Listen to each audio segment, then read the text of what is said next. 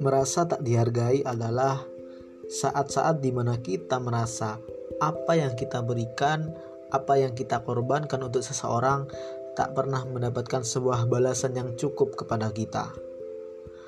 Merasa tak dihargai. Semua pasti pernah merasakannya kan? Tapi sadarkah kalian kenapa judul episode kali ini merasa tak dihargai? Bukan tak dihargai karena merasa tak dihargai adalah kita sendiri yang menyebabkan itu semua.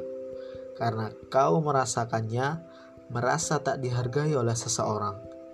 Artinya di sini dirimu yang salah dan kau harus mengakui kesalahanmu saat ini. Artinya, merasa tak dihargai itu hanya perasaanmu saja. Sadar atau tidak, semua orang pasti mendapatkan penghargaan dari apa yang telah dilakukannya apa yang kau tanam adalah apa yang kau tuai, bukan? Artinya, pasti ada orang yang menghargaimu. Yang menghargaimu pun bukan berarti harus pada orang yang sama, bukan? Bisa berupa orang lain, dan juga pasti kau telah dihargai oleh Tuhanmu dengan rahmat dan ketenangan. Itu yang harus kau yakini.